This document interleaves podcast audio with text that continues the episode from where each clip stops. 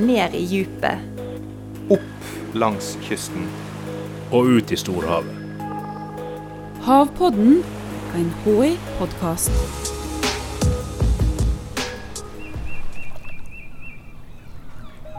En gang var Oslofjorden en plass som bugna av liv. I fjorden var det torsk, lyr, kvitting, sild og brisling. Seler, nise og sjøfugl forsynte seg av det rike matfatet. Fiskerne dro torsk på torsk over rekka. Her står det altså fra 1920. Torskefisket slo overmåte godt til. Eh, og fra Sandvikskanten berettes det at torsken utover sommeren sto styggtykt over lerbunn. Der fiskedes her jevnlig opptil flere snes jevnstor kokefisk på pilk på en kveld. Slik er det ikke lenger i Oslofjorden. I dag er fjorden nesten tom for fisk. Jeg heter Even Moland og er eh, forsker ved Havforskningsinstituttets stasjon i Flødevigen utenfor Arendal. Og havforskeren sin diagnose på Oslofjorden er at pasienten er alvorlig syk. Alle arter torskefisk i indre Skagerrak er redusert med ca. 85% de siste 100 årene. Og det rike silde- og brislingfisket som en gang foregikk i Oslofjorden, det er borte eller redusert til en brøkdel. En viktig del av diagnosen det er det at i indre områder, altså i indre Oslofjord, så mangler bunnvannet oksygen, og i noen perioder er det helt oksygenfritt. Og Det gjør at fisk og andre dyr de sliter med å bruke fjordbunnen som levested. Se for deg et fullt, storslagent symfoniorkester. Se for deg denne, denne, denne, denne symfonien av, av, lokale bestander, av bestandskomponenter.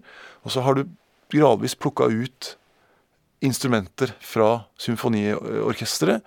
Så sitter du bare igjen med noen få instrumenter i et tomt, uh, i et tomt rom. Musikken har nesten stilna. Hva skjedde med denne rike fjorden? Et problem har vært overfiske. I dag vet vi noe folk ikke visste før. Langs kysten vår finnes det lokale bestander av fisk og andre dyr. Fisker du opp en sånn lokal bestand, så kan du ikke få påfyll fra havet ut forbi. Et annet problem er folk. Mange folk. Langs Oslofjorden har en over mange år bygd ut, med hus, veier, brygger og kaier, og vi da kanskje bygd ned sårbare leveområder for arter i strandsona.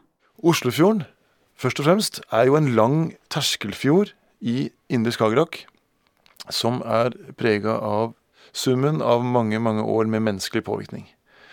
Og da er det fiskerier som har overfisket bestandene. Noen av de har vært vandrende på besøk i Oslofjorden, noen har vært lokale.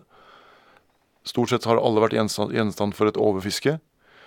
Så har du et landbruk rundt Oslofjordområdene som er lagt om ifra gress og beiting fra gamle dager til moderne, intensivt landbruk med korn og grønnsaker, hvor det er vinterpløying og mye mer avrenning og øh, mye mer påvirkning fra landsida, fra landbrukets del. Og så har du denne store befolkningen, nesten to millioner mennesker, bor rundt Oslofjorden. Så Oslofjorden er en urbanisert kystlinje, og med alle de problemene det medfører. Det at folk bor eh, nært eh, fjorden eller sjøen, hva, hva belastning eh, påfører folk fjorden på den måten? Først og fremst er jo det gjennom det som vi slipper ut, og det som kommer ut fra, øh, fra avløpssystemene våre. Og i, Rundt Oslofjorden og i Norge generelt, i byene, så har vi felles overvannssystem og avløpssystem. Og sikkert mange som har fått med seg det at øh, når vi har disse intensive styrtregnperiodene og, og, og, og mye nedbør, flom i vassdragene, så klarer ikke renseanleggene å ta unna for øh, vannmengdene, så de må, de må slippe det urensa rett ut.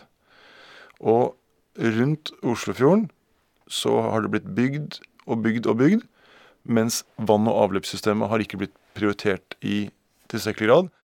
Mange mennesker på liten plass betyr at fjorden får ekstra mye gjødsel fra kloakk, vann og avløp. Det fører f.eks. til mer alger i vannet, og disse bruker opp mye av oksygenet. Problemet blir forsterka av at Oslofjorden er en såkalt terskelfjord. Det betyr at ved innløpet til fjorden så er det grunner som virker som ei barriere, en terskel. Og det gjør at djupvannet innerst i fjorden ikke blir skifta ut så veldig ofte. Særlig indre Oslofjord eh, preges nå av eh, langvarig og kanskje permanent eh, oksygensvinn. Men hvorfor er det et problem? Mm, altså, Hvorfor trenger havbunnen oksygen? Jo, Det er ekstremt viktig at, eh, at havbunnen og at fjordbunnen er oksygenert. eh, Fordi at eh, fisk vil vike unna. De vil ikke være der hvor det er eh, under viss, et visst nivå av oksygeninnhold i, i vannet. De vil sky unna. Og så en fjordbunn eller en havbunn som er oksygenert, den har det vi kaller for innfauna. Den har dyr som lever og graver i, i, i sedimentet. Det er skjell, snegler og børstemark som lever i, i, i, en oksygenert fjordbunn. Og det er ekstremt viktig for bunnlevende fisker, bunnfisk, som, som beiter på dette her. Så har du en fjord som ender opp med å bli oksygenfattig, så ender du opp med en um, ressursfattig fjordbunn, og som, hvor fisken heller ikke trives. Men det som har skjedd med Oslofjorden, er ikke unikt. Lignende har skjedd i urbaniserte områder over hele verden. Det at man har mista en sånn rikdom, og at det nå bare er rester igjen av en sånn fordomsrikdom, det er egentlig fellesnevneren. For det er jo egentlig som kjennetegner menneskets møte med med eh, naturen og havet, bare at det skjedde mye senere i, i, havet enn det gjorde på land. Så det er, det er, fantastisk å lese om denne rikdommen, men det at vi har mistet denne rikdommen, det burde ikke overraske noen. Derfor så er det viktig for meg å, å formidle det at Oslofjorden er ikke en situasjon som er et slags vakuum. Den, den Oslofjorden er kanskje vårt første møte i Norge med hva, hva er den samlede summen av påvirkning langs en urbanisert kystlinje? Et sårbart kysthav. Jo, det er akkurat det at uh, den er endret, at fiskebestandene er uh, sterkt svekket. Uh, I noen tilfeller borte, og at, at vi, må, vi, må, innse den, den summen av påvirkning som vi har. Vi nordmenn har jo kanskje tenkt at vi har veldig mye natur, og at vi, vi har så mye natur at vi nesten ikke klarer å påvirke den. ikke sant? Det er nesten eh, vært en slags ryggmargsrefleks hos oss, at vi, vi er annerledeslandet. Men nå opplever vi at nei, vi er ikke det. Vi, vi har et stort fotavtrykk i naturen. Både på landet og, og, i, og, og på kysten og, i havet. Men er alt håp ute? Kan vi ikke gjøre noe? Hindre overfiske og rydde opp i utslippene våre, da vil være en god start, mener Even. Historien har jo nok lært oss at vi burde nok starte med, med de enkle, og, også løse de mest eh, direkte utfordringene, de, direkte påvirkerne. Adressere de, eller legge vekt på de, eh, de først. For havforskeren ser lyspunkt. I Øresund har en klart å ta vare på en sunn torskebestand. Der har det vært forbudt å bunntråle i 80 år. Et annet lyspunkt er selbestanden i Oslofjorden, som ser ut til å trives. Det at du har en toppredator som selen, som faktisk eh, ser ut til å gjøre det ok, det er jo et, egentlig et positivt tegn på at økosystemet kan ikke være helt skakkjørt. Pasienten er sjuk hvis vi går, tenker på Oslofjorden. Men eh, kan han bli frisk igjen? Det er et veldig, det er et veldig godt spørsmål. Jeg vil jo, man kan jo dra en sammenligning med menneskeskapt global oppvarming. Vi vet hva som er problemet. Vi vet hva løsningen er. Men om vi klarer å, å, å, å dreie, transformere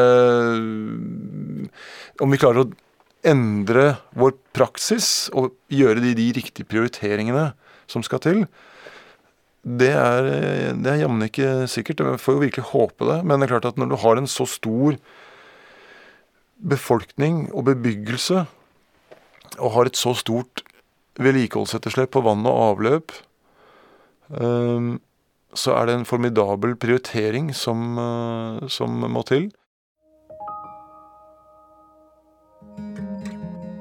Oslofjorden lider av langvarig overfiske, grumsete flomvann og høy temperatur.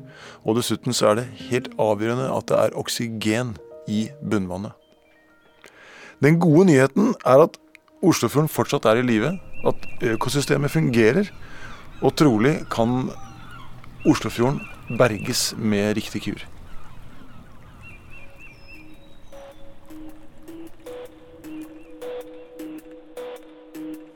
Havpodden er en podkast fra Havforskningsinstituttet. Jeg heter Stine Hommedal og er rådgiver her. Teknisk produksjon og lyddesign var det Febril Film som sto for. Og du, du hører oss igjen allerede neste onsdag.